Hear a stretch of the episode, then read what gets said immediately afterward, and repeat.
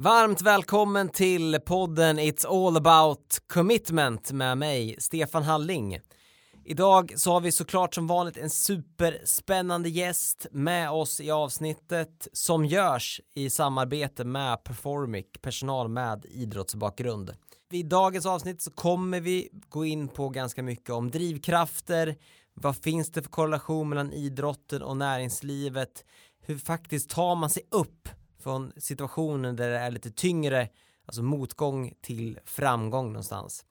Därför är det extra kul att i dagens avsnitt ha med eh, före detta elitfotbollsspelaren, säljaren och företagaren Josefin Ökvist.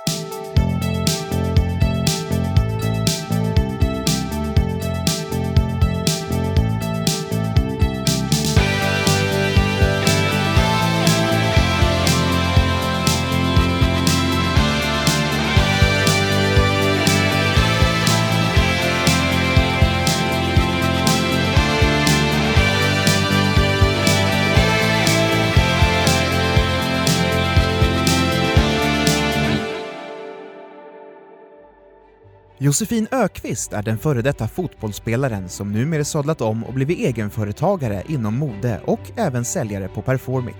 Hon är 36 år gammal och lever tillsammans med ishockeyspelaren Stefan Lassen samt barnen Stella och Maximilian. Josefin är utbildad på SAM journalistik och har även en makeup artist-utbildning i bagaget. Hennes största idrottsmerit är VM-silvret 2003 och VM-bronset 2011. Hennes idol är sedan barnsben Thomas Brolin och hennes främsta egenskaper är att hon är envis och målinriktad. Varmt välkommen till It's All About Commitment, Josefin Ökvist. Tack så mycket, det är kul att vara här. Ja, jättekul att du är här. Ja. Hur är det med dig då? Jo, med mig är det bra, är det faktiskt. Det um, har varit lite sömn den här veckan, har ju småbarn så att, och en man som är iväg och spelar matcher hela tiden så att jag är nog lite trött faktiskt. Jag förstår det. Eh, jag känner igen mig, så Ja. kan vi säga. Eh, Det känns som att jag trött i fyra år nu. Ja, Men, jag eh, vet. Man får vila sen, så brukar jag tänka. Ja, men verkligen, verkligen. Du, du är faktiskt med i kommande upplagan av Mästarnas Mästare. Kan du avslöja något i podden? Oh, jag får ju inte säga allt som har hänt där, men jag kan ju säga någonting som ändå har varit i tidningen. Det är ju att vi gjorde en tävling när vi eh, var i vatten och jag Mm. och skulle hoppa ganska högt upp och jag är ju höjdrädd. Och det utmanade mig. Jag trodde aldrig jag skulle klara det, tänkte jag säga. Ehm, men jag vann över mina rädslor där. Ja, hur, hur gjorde du där då? Det, det, jag själv är ju- höjdrädd så jag skulle ha väldigt svårt att, att fixa det. Jag får ju inte avslöja i detalj eftersom Ah, det kommer okej. sändas så att det är lite Okej, svårt. Jag ska Men, inte pressa dig. nej, jag men eh, jag, eh, efter den eh, tävlingen så var jag så stolt över mig själv. Mm, bra jobbat får jag väl säga då. Ja, tack så mycket. Eh, för de som faktiskt inte vet vem du är då, hur, hur skulle du beskriva? Josefin? Mm. Josefin skulle jag beskriva som en glad människa som ser ljust på allting och gillar utmaningar. Jag gillar att kasta ut mig i saker som jag inte känner mig bekväm i. För känslan efter tycker jag är så himla bra. Det är som den här äh, kicken du får när du spelar viktiga matcher, det här ad- adrenalinet. Och det försöker jag söka nu när jag inte är aktiv längre. Adrenalin-junkie. Ja, men jag är lite så. Och ja, men i veckan delar jag ut ett pris eh, på fotbollsskalan och det är kanske när de ringer mig så tänker jag ja, det ska jag göra. Sen när jag börjar fundera efter så tänker jag men gud, det här, det här blir ju nervöst. Men sen när man går upp där så släpper det bara. Och efteråt blir man bara så här, åh, vad duktig jag är. Ja, men, men Ja, det är en sån skön känsla. Man måste ju pressa sig. eller- ja, men jag eller tror det för att kunna utvecklas. För är du som ett tåg och bara går i samma spår hela tiden, då får du ju ingenting att söka motivation i. Och det där är lite för mig att jag vill ha någonting så att jag kan ja, men belöna mig själv efter och tänka så här, att jag utvecklas. Ha, har det alltid varit sån, liksom, eller något du har jobbat med aktivt så? Eller? Alltså, som idrottare så får du ju det naturligt i ditt jobb. Du måste ju utmana dig och bli bättre och utsätta dig för situationer som du inte är bekväm i. Så jag tror att jag har nog utvecklat det där. Jag har fått det gratis genom idrotten och sen när man har fått det i så många år så tror jag att då vill man bara fortsätta i det spåret. Spännande då och Ja, vi får lov att återkomma till ämnet Ja. eh, lite i alla fall. Jag tänkte bara eh, återigen det här då, för jag, jag själv i alla fall, jag måste ju faktiskt erkänna, eh, starkt förknippa dig eh, som kanske många andra också med avgörandet i, i 2003 i semifinalen. mm. Eh, då var du 19 år ja. eh, och eh, det, jag menar, så det är fotboll eh, såklart för vad det handlar om, men kan du ta oss igenom, jag menar, det var ju, måste vara en, en stor höjdpunkt i din idrottskarriär ändå, som Jo. kom tidigt. Jo, det gjorde det. Jag var ju bara 19 år och spelade i Bärlinge och jag hade väl kanske inte tanken när säsongen började att jag skulle vara med i VM-truppen 2003. Men eh, jag fick en bra tränare som trodde på mig. Jag fick mycket speltid trots att jag var så ung. Och sen så kom jag ju med i truppen på ett bananskal i stort sett. eh, och ehm, Ja, och sen så hände det ju väldigt mycket där 2003 och jag åkte iväg på VM och eh, det var inte så mycket mediefokus alls innan. Det var hemma i Uppsala, UNT som skrev väldigt mycket och sådär. Um, sen när jag gjorde den där, eh, när jag gjorde målet eh, mot Kanada, det avgörande målet i semifinalen, då bara exploderade ju allting. Och jag var ju fortfarande i USA så jag märkte inte så mycket mer än att det var mycket ja, men mycket journalister där. Men min mamma ju berättat hon kunde ju inte jobba för de kom ju hem och kom till jobbet och letade efter henne. Hon fick åka, åka hem och visa mitt flickrum och ja, och, så det var väldigt mycket som från att vara inte alls igenkänd till att bli känd för alla. Så det var ju en omställning för mig som var ganska anonym som tog ganska lång tid att komma in i. Ja, det kan jag verkligen tänka mig. Ja, och så jag har ju, mm, jag träffade faktiskt han pressansvariga som vi hade 2003 nu i veckan och han berättade för mig att eh, dagen efter så eh, åkte jag iväg med de som inte hade spelat så mycket och skulle träna. Och han, och han, eh, och det, och han ring, fick komma till träningen och avbryta träningen och hämta mig för det var så mycket journalister som ville prata med mig. så det var ju, jag tänkte bara så här, jag har inte spelat så mycket så jag åker och tränar. Du vet, man hade ju det där att ja men då ska jag träna. Man tänkte inte att det var mediafokus. Ja, det måste bli, bli som en, en chock Ja, eh, på stört, men jag menar, du, det var ju början av din karriär ändå. Jo, men- Du har ju ändå gått, eh, ja, men du har ju spelat i landslaget, gjort många landskamper, Ja. du har ju ändå varit proffs utomlands i Frankrike bland Ja. annat. Och, eh, om man tar tillbaka det där, alltså var det, var det alltid i din målbild att kunna bli fotbollsproffs så? Ja men jag har haft väldigt tur sådär för de i min generation kanske inte kunnat sett så mycket damfotboll eller fått åkt och kolla på damfotboll. Men vi hade ju Bärlinge i allsvenskan när jag var ung, när jag var 15-14 där. Eh, och min pappa han tog med mig på de matcherna. Så jag hade ju kvinnliga förebilder. Så där började ju drömmen för mig att här ska jag spela och jag ska till landslaget. Och ja, man eh, började drömma redan när man var liten. Och jag kommer ihåg eh, första gången jag fick min medalj när jag var åtta år. Så sa jag till min pappa, har han berättat, att, att eh, pappa nu måste du åka och köpa ett prisskåp till mig för det kommer bli många fler. ja, det, det är ett bra sätt att motivera sig. Ja, så jag tror att för att komma, komma långt så visst, man, det är mycket slit och så, men man måste ha, ha den där drömmen måste komma. Det är inte någon som kan säga till dig att ah, du kan spela landslaget om du bara vill. Eller, man måste ha drivet själv tror jag. Det är svårt att skaffa ett driv tror jag. Men har det alltid liksom ligga nat- naturligt hos dig då? Eller liksom, vad, vad, vad har format dig till att liksom, få det drivet då? Eh, dri- ja, få det där drivet, det tror jag var, kommer lite hemifrån. Ehm, min pappa har ju alltid idrottat men han har ju inte idrotta på en hög nivå men han eh, har eget företag nu och är en driven människa och han är alltid den som har stöttat mig och jag kommer bara ihåg när jag var åtta år så körde jag en mot en som har blivit det som jag har varit bäst på genom min karriär och då var ju han så här, han lät mig inte vinna bara för att vara snäll, jag fick kämpa. och det, det, kan man ju, det blev många, eh, att, att man blev ledsen och sådär för att han aldrig lät mig vinna så. Men det ändå skapar det här att man måste ge 100% i allt för annars lyckas man inte. Känner du att, jag menar, du har ändå spelat då tillsammans med andra fotbollsproffs på allra Mm. högsta nivå. Så här utifrån blir man lite nyfiken, känner du, har alla haft den typen av drivkraft eller kan man se liksom även i ett sånt lag som i landslaget att det ändå skiljer sig eh, just den här drivkraften eller?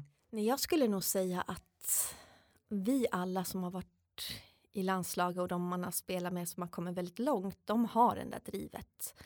Du måste ha det för du tränar så otroligt mycket och det är viktiga matcher. Och, men självklart kanske jag ska säga att det är också en sån här sak när du spelar viktiga matcher. Eh, då kan det ju vara de som faller bort för att de kanske inte klarar pressen. Så det är ju mycket annat också runt omkring. Men drivet har alla haft, tycker jag. Hela tiden vilja framåt och Ja, jobba mot, jobba mot mål såklart också. Mm. Eh, men vad, skulle du själv, så här, nu efter karriären då, vad, vad skulle du säga, drivet är en sak då, Ja. eh, men vad, vilka egenskaper tycker du att du har haft som ändå gjort att du kunnat slagit dig fram i, ändå, det, det är inte många som ändå kommer till den nivån som du har varit på. Men mitt driv har väl alltid varit att när det har varit träning så har jag varit ja, men en vinnarskalle och jag kanske har varit lite jävlig och lite hård och folk har blivit irriterade på mig. Det har jag märkt. Eh, men jag ändå, när det, när det inte har varit på planen så har jag ändå varit den här äh, glädjespridaren, prata med alla och försöker, jag försöker se alla. Det vill jag göra. Jag, jag tycker så här att när man är speciellt i lag, att då kan man inte bara prata med tre stycken, man måste kunna se alla och prata med alla. Och det där har varit lite så här dilemma att jag kanske har tagit på mig och vill att alla ska vara med. Mm. Okej, och det, det känner Ja. att det, det har inte riktigt då alltid varit, varit givet att det ska vara så menar du eller? Ja, men inte givet det var det inte, men, men, men jag vill att alla skulle känna sig välkomna i laget och var det någon som gick ensam så kunde jag gå och prata med den och ja men sådär att man bara ser alla, att alla känner sig sedda. Men jag har ju aldrig varit lagkapten i något lag, för det, det, det har inte jag känt att jag har haft behov av. Att jag vill ju hellre vara den som jobbar i bakgrunden. Ja men det är klart, och jag Ja. kan verkligen förstå vad du menar för nu har jag absolut inte Nej. varit på sån nivå som du har varit. Men eh, just teamet, eh, och det kan egentligen både gälla idrotten för min del men Mm. också företagen och näringslivet. Att jag tror mår man bra så presterar man bra. Precis. Och, och då, det innefattar ju alla för att man ska kunna Mm. få förutsättningar att göra sitt bästa. Så utifrån vem man är så måste Mm. man ju liksom känna en tillhörighet och jag tror att man Mm. måste verkligen känna att man eh, har någon som tror och stöttar på en också. Så ja. att, eh, och det är exakt samma sak i fotbollen som att det är ja. en säljavdelning eller vad det kan Ja, vara. men att alla vet sina roller. Liksom, hur, om, det är ju både i lag och på företag att om alla vet sin roll så blir ju alla trygga och en, en chef som ser alla och pratar med alla och är öppen också för att om det är någon som gör något bra så får den cred för det. De får ju säkert ett lyckat företag eller ett lag. Så tror jag att det är. Mm, absolut, jag kan bara instämma. Ja. Ehm, men framgången kom ju väldigt tidigt för dig. Mm. Eh, jag menar som 19-åring och, och jag menar, du var inne lite på det. Hur, hur liksom hanterade du den, ja, men kanske extra typ av press som ändå kom eh, genom den uppmärksamheten då? Eh, det var jobbigt tyckte jag för att jag spelade ju Bärlinge då och spelade där på halvtid och sen så jobbade jag halvtid på en mataffär och det var ju kul när folk kom fram och, och pratade och sådär med mig. Det tyckte man ju bara var kul. Men när det var jag på löpsedeln en dag så satt jag i kassan. Det var en jobbig situation för mig att hantera. Man kände sig så utlämnad att sitta där i kassan i mataffären och blippa varor och så kom så sa någon, ah det är du där på löpsedeln. Så det hade jag svårt att hantera. Men allt annat sådär, att folk snackade. Jag tror lite att då var ju inte sociala medier så stort. Så man kunde ju inte se allt. Hade det varit nu jag hade slagit igenom, då hade man ju kunnat läst så mycket negativa kommentarer. Så då vet jag inte hur jag hade hanterat det som 19-åring. Så att jag känner ändå mig glad att sociala medier inte var så stort då. Mm. Ja, nej, men eh, full förståelse för det. Men Mm. det, det måste vara men hade du några verktyg eller liksom fick du hjälp att faktiskt ändå eh, vad ska man säga, reda ut det här? Liksom? För att jag menar, det, jag förstår, förstår att det är en jobbig Ja. situation ändå, då, men, men eh, använder du några speciella metoder liksom var det bara upp till dig själv och liksom ta det vidare? Jag kan ju nog säga att eh, så mycket hjälp hade man väl kanske inte. Man fick lära sig att hantera media och lära sig. Det handlade ju om att jag var ju väldigt öppen och pratade väldigt, ja men det jag kände, så är jag lite som person. Um, och då kunde det stå en del konstiga saker som kanske inte stämde riktigt vad jag hade sagt. Men får de bara ett litet halmstrå media så skriver ju de vad de vill. Men det lärde man ju sig och efter ett tag när det var vissa journalister som ringde så blev jag på min vakt. Och ett tag så var det ju att jag kanske inte ville svara i telefon. Jag fick en sån. Så fort min telefon ringde så fick jag panik. Bara, Nej, nu kommer det stå något konstigt igen och så kommer folk fråga mig vad som har du sagt det där. Så det var väl att jag fick lära mig själv att hantera det. Så det tog ju några år. Men sen när man väl hade lärt sig hur man hanterar media, då tycker jag det funkar bra. Men sen har jag aldrig velat blivit en sån här tråkig som sitter i tv eller eh, och pratar med en journalist och ja men ni vet, du vet, det kan vara sån här som bara svarar ja, nej och inte har någon energi. En sån människa vill inte jag vara. Jag vill vara glad och öppen. Det är skönt om du inte bara svarar ja och nej Ja. idag i alla Ja, fall. ja. det kan jag tycka, det underlättar. Ja. Ehm, nej men, okej, och nu hoppas jag att du inte tycker jag är elak, Mm. men ska, ska jag försöka ändå. Att, Ja, men nej, det vad, just det här liksom semifinalavgörandet som kanske är så starkt förknippat med dig. Kände du liksom, när du blickar tillbaka på din karriär, känner du att där pikade du, alltså, eller känner man bara så för att det rent uppmärksamhetsmässigt utifrån var så? Eller när, när var din höjdpunkt i din karriär? Så? Ah, jo men det, det känner jag ju verkligen att det var ju så medialt stort och det är ju det alla kommer ihåg att jag gjorde det där målet 2003 och, och det pratar ju alla än idag om de träffar mig. Men personligen så var ju jag så ung, jag spelade inte alls många minuter i det där mästerskapet. Så att för mig så är ju VM 2011 så mycket större för där var jag med och tog VM-bronset och spelade nästan alla matcher och var en bidragande orsak tänkte jag säga till att vi tog VM-brons. Och sen känner jag också att när jag var i Frankrike, eh, jag var där, hade en dotter som var ett år, var själv, min man var ju hockeyproffs i Österrike. Så eh, vi var själva där nere jag och Stella och jag gör 19 mål i, i franska ligan och eh, hon som vinner skytteligan hon gör 22. Så det är ju en höjdpunkt för mig. Och jag är så, ändå grämer mig lite att det var så några mål tills jag kunde ha vunnit. Ja men det måste ändå vara otroligt tufft. Jag menar hur, hur jag kan själv tycka att det är Ja. otroligt svårt att balansera ja, arbete, familj ibland Mm. och jag menar när man, om man har en man som är borta också och Mm. du, jag menar med allt som är förknippat med, med proffslivet, med resor och så vidare. Hur, Mm. hur hanterar man det med småbarn egentligen? Ja, det är en bra fråga, men jag hade nog väldigt tur med Stella. Hon är ju den lugna. Stella var ju den här dottern som man kunde sätta i, i en vagn och hon satt där och ja, lekte med någon leksak och flög vi så satt hon med sin iPad och kollade på filmer och var väldigt lugn. Och, så hon var så här lätt att ha med och det är klart att ibland var det jobbigt och så men jag tyckte ändå det funkar väldigt bra med henne. Det som var jobbigt var ju det här när man kom hem sent från en bortamatch och vi var hemma två och hon stiger upp halv sex och sen ska man iväg och träna. Så det var ju mer återhämtningssömn som det inte riktigt fanns tid för. Kan jag lätt tänka mig och jag menar återigen då liksom under karriären så många framgångar när man blickar tillbaka med både medaljer och landslagsspel och proffsliv och som du säger skytteligan också. Men eh, det har också varit, funnits tuffa Mm. stunder såklart så med, Mm. med skador och, och Ja, vad det kan vara. har du något så här när du blickar tillbaka något moment där du känner att det här var extra tufft och, jag menar, och hur, hur tar man sig upp från det då? Jo, men jag hade ju inför säsongen 2007 så hade jag en sån här jättebra vår tror jag det var i damallsvenskan och allt bara flöt på. Jag gjorde mycket mål och så kom det en, jag kommer inte ihåg om det var träning eller match, men så bara small det i vänster knä.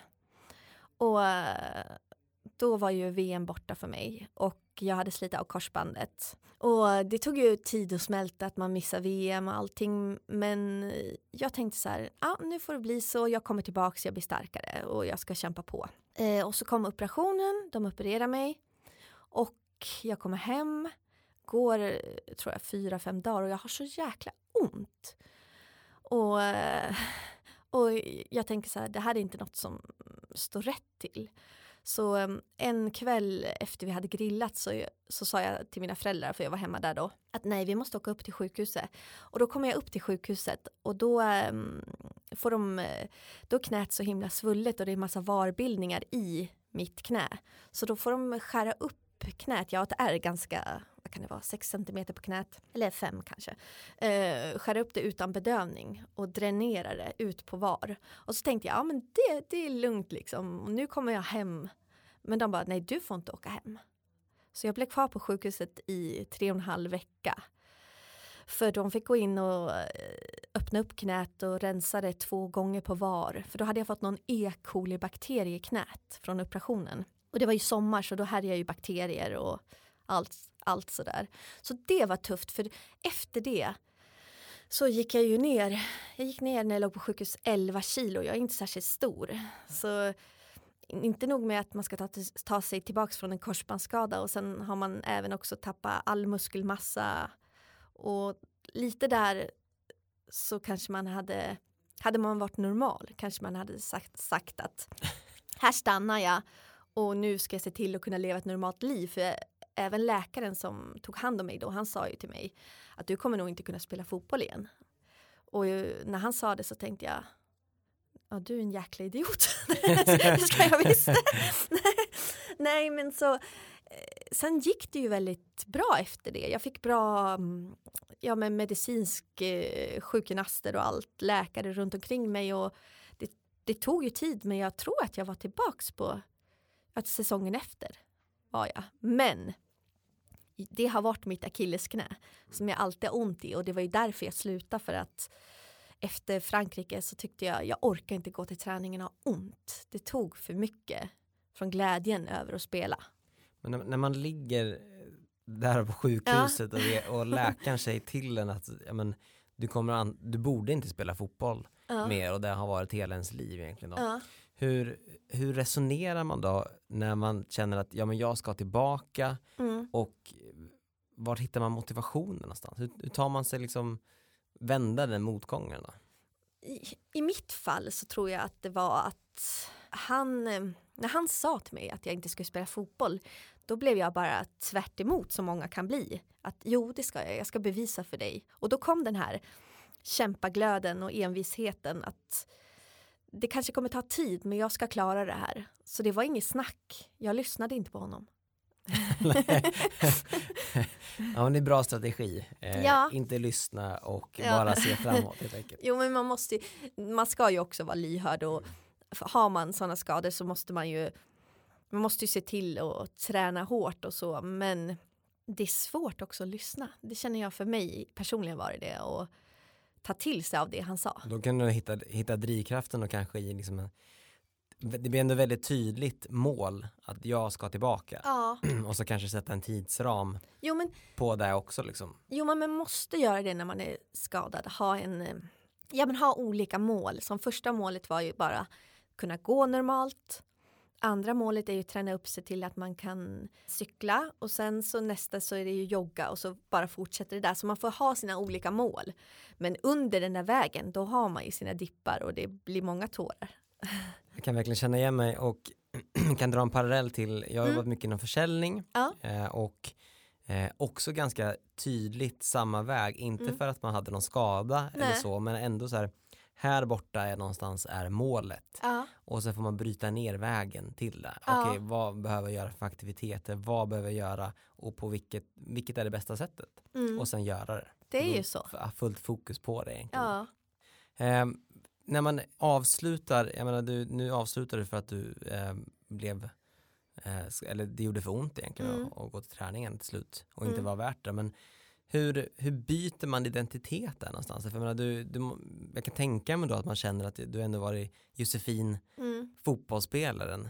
Mm. Hur går man vidare med att välja att avsluta sin karriär? Så då? Det är ju det jobbigaste. För att man är ju fotbollsspelaren Josefin för alla och, och, och även för mig själv är man ju det. Men jag var ju trygg i mitt beslut med att sluta för jag kände att jag hade ju ont och det var inte roligt att gå och ha ont hela tiden. Och sen så kände jag också att Stefan och jag bodde så långt ifrån varandra och jag saknar han jättemycket och man ville dela den här vardagen med varandra. Och mm, jag, jag har alltid drömt om när jag har varit skadad att jag vill inte sluta på grund av att vara skadad. Och efter säsongen då i Frankrike när jag hade gjort en jättebra säsong så var ju det var ju ett jättebra tillfälle att sluta. Många kanske tyckte det var konstigt. Men för mig personligen så var det den bästa känslan att sluta när jag är på topp. Och sen så tog det ju jag kommer ihåg jag kom till Stefan i Österrike för vi bodde ju där eh, bitvis då och var hemma i Sverige och pendlade. Men eh, när folk frågar mig ja, hur känns det att sluta då var det ju som att någon högg mig med en kniv i hjärtat och man hade gråten i halsen. Och eh, det var väl mest för att jag, det tog tid för mig själv att bearbeta det där och liksom hitta mig själv och vad ska jag göra nu? Det var mycket funderingar och ja, men det var så mycket i huvudet. Men sen när man väl, när det gått ett tag, då, tyckte, då tycker jag nu när någon frågar så är det bara, ja men då är det bara kul att prata om det. Nu känner jag bara mig stolt över det man har gjort.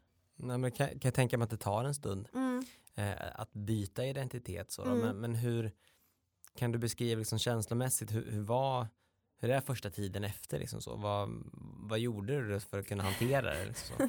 Men första tiden, det var ju väldigt sådär jag var ju klar med säsongen i juni då och då var det vi hade ju inget fast eh, boende hemma i Sverige så vi åkte ju hem och började leta efter boende, vi skulle köpa någonting så det var ju fullt fokus på det. Och sen hade vi bestämt oss för att åka till Mauritius eh, och gifta oss där. så det var ju så mycket, så mycket glädje och så mycket annat jag gjorde då. Och då åkte vi dit och gifte oss och sen så efter det så var det ju bara hem och sen så drog ju Stefans hockeysäsong igång. Men jag kommer ihåg att när jag väl hade landat och allt vardagsliv var igång då var det ju mycket funderingar. Men jag blev nog mera ganska sådär lite folkskygg tror jag. Inte så, men för jag är ju väldigt social som person men jag kände att jag behövde vara lite med mig själv. Det hade varit så mycket under så många år och man träffar så mycket folk så jag behövde nog bearbeta mig själv lite och försöka hitta mig själv efter jag hade slutat. Så att det här, eh, många säger ja men det är mycket ensamtid när man lever med en hockeyspelare. För mig passade det perfekt det året för att jag kunde gå ut och gå med hundarna, hämta Stella från dagis tidigt och ja men bara försöka bearbeta. Mm, Det kan är svårt att förklara. Ja, jag förstår Ja. det. Det är, det är Ja. svårt att sätta sig in i liksom en Mm. sån situation också, hur, hur det är att Mm. Helt byta ja, men, säg, identitetsspår Mm. någonstans.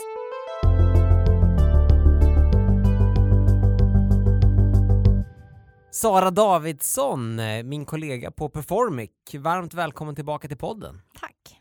Du, eh, vi har ju hunnit prata en hel del i podden, men jag tänkte, du har ju lite bra insikter faktiskt om just ett ämne som ja, men ändå berörs i podden när vi pratar lite förflyttning i karriären, där man kanske behöver byta spår för att utvecklas. Hur tänker du där egentligen? Jo, men jag har funderat en del eh, kring det. Eh, inte minst därför att vi träffar ganska mycket människor under pågående karriär just på, på Performic och vi har sett ganska många växla över, inte bara från idrott till näringsliv utan också mellan olika karriärbanor. Eh, och jag, jag, tror att många av oss ser vår karriär lite grann som en stege, alltså man klättrar uppåt eh, i hierarkin. Det är ett sätt att växa karriärmässigt. Jag skulle vilja utmana den bilden lite grann och eh, jag tycker vi ska våga se vår karriär lite mer som en, eh, som en klätterställning där man klättrar runt, provar lite nya banor, testar nya saker. Eh, våga ge sig ut lite på okänd mark. Det här betyder ju ofta just det, om man, man liksom ser bort lite grann från den här traditionella hierarkiska eh, banan uppåt och ger sig ut lite åt, åt sidorna så att säga. Eh, då betyder ju ofta det att man får agera utanför comfort zone, man får hålla på med något där man inte kanske är bäst. Eh, men just det tror jag är väldigt, väldigt nyttigt för oss att våga prova på. Jag tror vi växer mycket. Utmanas så tror jag också kanske att man utvecklas och då kanske man faktiskt inte kan gå spikrakt uppåt utan behöver ta ett litet kliv åt sidan då för att ja, kunna växa ännu mer helt enkelt. Ja, upptäcka nya sidor av sig själv att använda vidare i sin karriär. Kanske man skulle behöva. Fint. Tack så mycket Sara. Tack.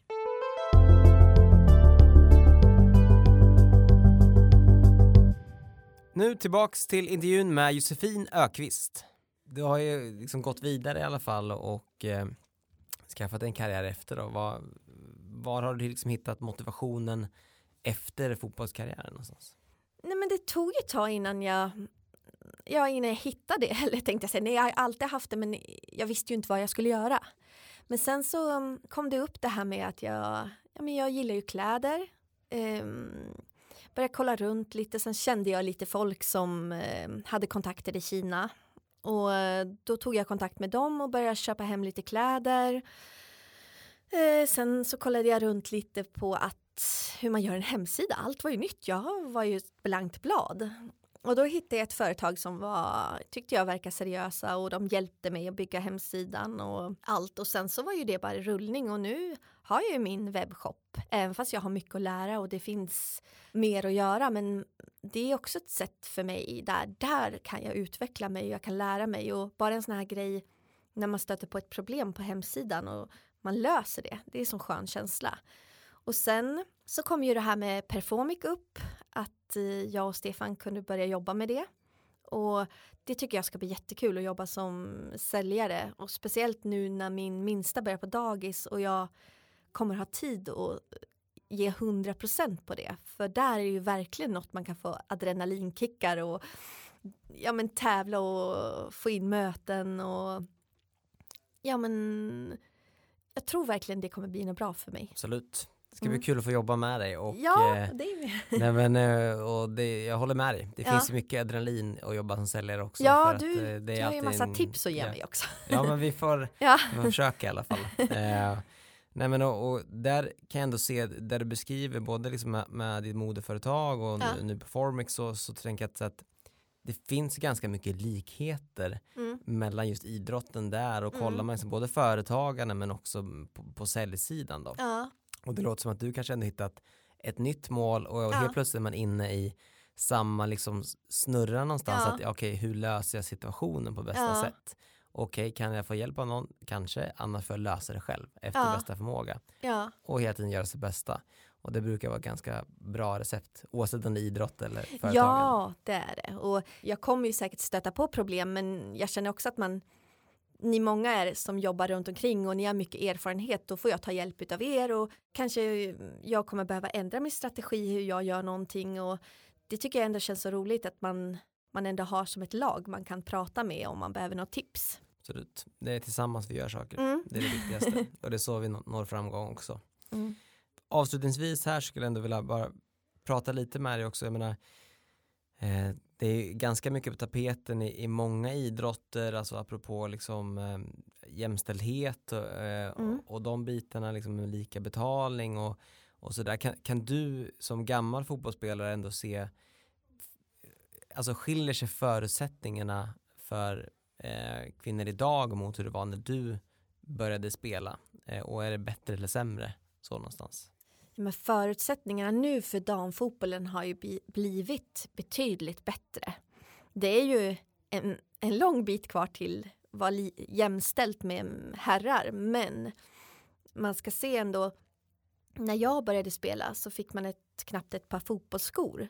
Så nu kan ju många leva på sin idrott och man ser också tendenser att man sticker utomlands tidigare och där finns det ju ännu bättre förutsättningar så att jag tycker att vi ska ändå vara väldigt nöjda i damfotbollen att det går framåt. Sen så skulle jag ju också vilja att ehm, en damfotbollsspelare tjänade lika mycket som en herrspelare men man kan ju inte Alltså det är svårt publiksmässigt så är det ju mer på herrar, det är mer sponsorer och jag tror att alla damfotbollsklubbar skulle vilja ge sina spelare bättre betalt men man, man har en budget och man kan ju inte överstiga den. Så det gäller ju att jobba framåt men det kommer ta tid tror jag men vi är på god väg. Skönt att höra. Mm. Eh, absolut, och det känns som att det tar, tar kliv, kanske man mm. upplever att det går lite långsamt ibland. Eh, jo. Så, men... jo det, det, det, det, tycker jag också men um, nu, nu så tror jag nästan alla i damallsvenskan i alla fall kan ha en 50 i lön. Um, när, när jag spelade så var det ju många i mitt lag som kanske Ja men när jag var runt 23-24 så var det ju några som tjänade 2000 i månaden och det kan man ju inte leva på. Det är svårt. Ja, så det, det går ju framåt men jag tycker det är en så himla svår fråga. Jag skulle bara vilja säga ja men det är självklart att alla ska ha lika, det ska vara lika manligt och kvinnligt men det är en jättesvår fråga tycker jag. Absolut, eh, och säkert något vi får, får lov att återkomma uh. till här i, framöver i podden också. Mm. Eh, avslutningsvis här då, vad, vad ligger närmast eh, på ditt bord då? Ja, men närmast för mig nu så gäller ju att fortsätta med mitt företag och sen även att komma igång och få till möten med Performic. Härligt. Mm. Det ser vi mycket fram emot. Eh, Josefin, känns som ett eh, jättehärligt samtal och jättekul mm. att få ha dig med här i podden och hunnit ja, bena ut det mesta, tror jag i alla fall. Ja, och det har varit jättekul att vara med. Ja, men det låter skönt. Eh, stort tack för att du var med i It's All About Commitment. Tack så mycket.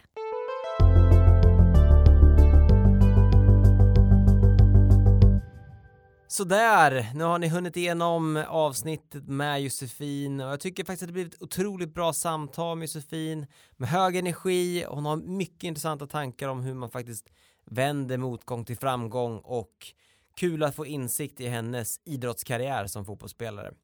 Som vanligt så tycker jag också att ni ska gå in och ge oss ett högt betyg på iTunes om ni har möjlighet till det. Vill ni höra av er till mig och eh, snacka lite om podden eller i övrigt så gör ni det bäst på LinkedIn. Eh, och sen vill jag avslutningsvis också tacka våran eminenta producent Story of You. Vi hoppas vi hörs snart igen.